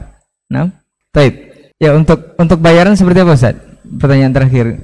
Menerima bayaran, nah. Uh, mungkin ada sedikit tadi yang di terakhir itu ya masalah travel bahwa ya artinya gini untuk uh, badal ya boleh jamaah haji itu sendiri untuk mencari orang gitu ya mencari orang yang akan bisa membadalkan saudaranya ataupun keluarganya boleh langsung ya carilah orang-orang yang uh, kita kenal di sana di Arab Saudi misalnya mungkin mahasiswa-mahasiswa yang di sana atau mungkin orang-orang yang tinggal di sana kita tahu gitu secara uh, ibadah dia benar, kemudian amanah, dan akidahnya benar, ya kita tidak ada masalah. Namun kalau kita tidak mengetahui misalnya dan boleh kita titip sama travel, ya boleh. Boleh, eh, artinya kita minta tolong kepada penanggung jawab travel untuk mencarikan orang-orang yang bisa membadalkan. Ya, bagi travel ini adalah sebuah ledang amal gitu untuk mencarikan jamaahnya menolong jamaahnya tapi jangan pula ya jangan pula itu menjadi bagian bisnisnya. Nah, ini memang jangan pula itu menjadi bagian bisnisnya. Misalnya ditetapkan oleh travel gitu kan e, untuk badal haji 15 juta gitu. Tapi sampai kepada pelaksananya adalah 5 5 apa 5 juta 10 juta lah katakan 5 juta sudah di eh, potong pula gitu administrasinya gitu. Jangan ini eh, peluang peluang menolong orang jamaah haji luar biasa. Nah, artinya bahwa kalau eh, ada jemaah haji kita ingin minta tolong dicarikan, maka carikan, carikan dan carikan kepada orang-orang yang amanah. Jangan tergiur dengan sampai yang tadinya. Jangan tergiur dengan orang saya cukup seribu real saja. Rupanya 10 orang dilakukannya itu. Ini fatal. Ya, ini fatal. Maka nasihat untuk para pelaksana uh, travel, para pemilik travel, bantulah jemaah-jemaah kita yang ingin dicarikan orang-orang yang akan membedalkan haji keluarga mereka. Dan uh, bayarkanlah sesuai dengan apa yang telah disepakati oleh mereka. Agar menghilangkan zon-zon uh, kepada kita, ya suruh mereka transaksi. Pertemukan orang yang meminta dengan orang yang akan melaksanakan. Pertemukan, biarkan mereka sepakat berapa yang akan dibayar. Wallah taala. Nah, Ustaz. Bismillah wassalatu wassalamu ala Rasulillah wa ala alihi wasahbihi wa wala. Wa ba'du ada di komentar Ustaz tadi saya teringat pula bahwasanya ada satu syarat dan ini mansus dalam mazhab Syafi'i bahwasanya yang menghajikan orang yang mesti melalui miqat. Itu mesti dihajikan oleh orang yang juga melalui miqat. Jadi afaqiyin yahujju anhum afaqiyun. Afwan miqatiyun. Wa amma man dunal miqat fala yahujju anhum. Maknanya sekarang kita dari Indonesia lalu carikan orang menghajikan orang Indonesia orang yang dari Makkah tanpa melalui miqat. Maka ini tidak memenuhi syarat. Kadang-kadang sebagian jemaah karena ingin murah meriah. Ini kita semangat murah meriah ini yang masalah selalu di Mekah saja lebih murah. Karena seperti yang katakan Dr. Helmi tadi dan ini sangat banyak terjadi ya satu orang menghajikan untuk ramai orang. Ya dulu masalah mulai berangkat dari masalah boleh nak umrah berulang-ulang. Nah kalau dia berangkat dari umrah berulang okay lah umrah berulang-ulang untuk untuk sekali ini umrah untuk sianu umrah sekali ini. tapi sekarang masuk ke bab haji oleh orang-orang jahil. Kalau umrah aja boleh berulang-ulang padahal masih masalah khilafiyah. Nah ah masuk pula ke haji berulang-ulang. Ini tidak ada khilafiyahnya tapi karena kejahilan yang keluarga yang minta dihajikan juga tidak berilmu dan orang yang menipu sama Nabi ya oleh itu maka hati-hati, hati-hati karena ini masalah ibadah. Di dunia saja tuan-tuan tidak mau rugi. Kadang tawar menawar kan. Apalagi sampai di akhirat nanti, eh ternyata tidak ada hasilnya sama sekali di akhirat. Kita nak berbaik, berbakti pada orang tua, ya tapi harus tawar menawar harga. Ya gara-gara ingin cari murah, akhirnya tidak bisa di tidak masuk tidak mendapat hasil sama sekali. Jadi harus diingat sekali bahwa hajinya afakin mesti oleh afakin atau miqatiyun harus orang yang dari miqat. Wallahu taala alam. Baik, jazakallah khairan Ustaz untuk jawaban dan penjelasannya mengenai pertanyaan dari Abu Aisyah di seputaran Gresik di Jawa Timur. Satu pertanyaan lagi Ustaz sebelum kita close diktat kita untuk kesempatan hari ini masih persoalan haji Ustaz. Ini persoalan mahram Ustaz. Dari Rini di Cipta Karya. Assalamualaikum Ustaz. Ustaz izin bertanya mengenai persoalan mahram. Ada beberapa penyedia biro perjalanan haji yang membolehkan perempuan yang masih lajang itu melaksanakan ibadah haji tanpa mahram Ustaz. Itu disediakan oleh travelnya dengan bayaran tertentu disediakan oleh travel. Apakah ini diperbolehkan atau tidak? Mohon penjelasannya Ustaz. Jazakallahu khairan orang kita ini memang sangat kreatif. Ya mahram bisa saja diadministrasikan. Ini namanya mahram administrasi. Sesungguhnya aturan mahram itu dibuat itu bukan administrasi, itu aturan syar'i. Bahwasanya seorang wanita tidak dibenarkan musafir sehari semalam jarak sehari semalam di masa itu namanya musafir kecuali dengan mahram kecuali dengan mahram ini pendapat ghalibul ulama, jamahirul ulama, ada mukhalif tapi khilafun yani la yu'tabar. Karena berdasarkan hadis bahwa Nabi SAW menggambarkan bahwa nanti akan ada seorang wanita berjalan dari San'a ke Makkah tapi tidak ada seorang pun yang mengganggunya. Itu Nabi bukan mengatakan membolehkan saking amannya negeri itu. Dan memang terjadi di masa awal-awal berdirinya kerajaan Saudi seperti yang disebutkan oleh Syakib Arsalan seorang pujangga dari Lebanon itu di awal tahun 80-an Masehi orang musafir dari ujung ke ujung di Arab Saudi perempuan dengan segala perhiasannya tak akan ada yang berani orang yang berani menghadangnya subhanallah Masyur kiram dirahmati Allah. Nah kembali kepada masalah mahram. uh, memang khilaf terjadi dalam masalah ini dalam masalah haji. Karena haji itu kan rukun fardu. Nah seorang wanita dia sudah berkewajiban haji. Ada zad ada rahilah. Ada uh, bekal dan ada uh, kendaraan dan aman di jalan tetapi dia tidak punya mahram. Dia yang namanya haji musafir. Dan musafirnya bukan sebentar. Kalau Indonesia haji reguler 40 hari. Haji plus berapa Ramadan? 15 sampai 20 hari. Ini bukan sehari semalam lagi, berhari-hari bermalam-malam. Nah, ada larangan dari Nabi Wasallam bahwasanya wanita tak boleh musafir tanpa mahram. Nah, dalam menyikapi ini ulama berpendapat karena terjadi ta'arud bainal maslahah wa bainal mafsadah. Maslahat menunaikan ibadah haji. Mafsadahnya musafir tanpa mahram itu berbahaya. Dan mohon maaf ya di lapangan ya banyak sekali pengalaman-pengalaman buruk orang yang berangkat tanpa mahram. Apalagi apalagi di negeri yang biasa ikhtilat yang juga tidak mengambil hal penting dalam masalah uh, mahram ini. Seperti kita. Saya masih ingat di awal-awal saya masih baru masuk ke Madinah Ustaznya itu jemaah haji kita laki-laki perempuan sekamar. Dengan alasan saya dan istri saya dokter dengan istrinya dokter dengan istrinya di tiga pasang sekamar. Dan alhamdulillah saya pernah menyelesaikan masalah ini. Istrinya misalnya istri dokter lebih duluan masuk kamar.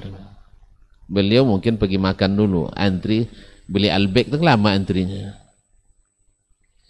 Saya karena ada kebutuhan mungkin ada hajat cepat pulang saya pulang duluan. Istri saya pun belanja-belanja pula di pasar seng. Nah, itu kan tempat belanja Indonesia dulu favoritnya atau di Ja'fariyah. Jadi istri beliau duluan saya duluan. Istri saya belakangan dia belakangan. Yang namanya sekamar dan karena sudah berhari-hari bersama tentu menjadi terbiasa. Akhirnya di situ tidak ada orang, saya masuk kamar. Saya dengan niat baik, karena ini kan istri saudara saya. Masa musim haji saya melakukan apa-apa. Masuk saya kamar karena ada kebutuhan masuk kamar. Dalam kondisi seperti itu pulang suaminya, pulang dokter. Bertemulah kami berdua dalam apa? Yang namanya pintu kamar tertutup. Lalu berdua istri kita dengan orang lain yang juga masih terhitung masih lumayan muda. Akhirnya bertumbuklah saya dengan dengan beliau ini. Tanpa tanya lagi lah terbakar api cemburunya. Akhirnya bertumbuh ya. Nah musim haji. Jidal saja tidak boleh bertengkar apalagi bertumbuh tapi ini Bukan sekali dua terjadi, sering terjadi. Akibat mahram, akibat ikhtilat. Apalagi mahram administrasi. Ada lagi yang mahram administrasi ini otomatis karena dia mahramnya dibuat sekamar. Nauzubillah. Semua nauzubillah. Orang lain mengira betul-betul mahram. Terjadilah apa yang terjadi.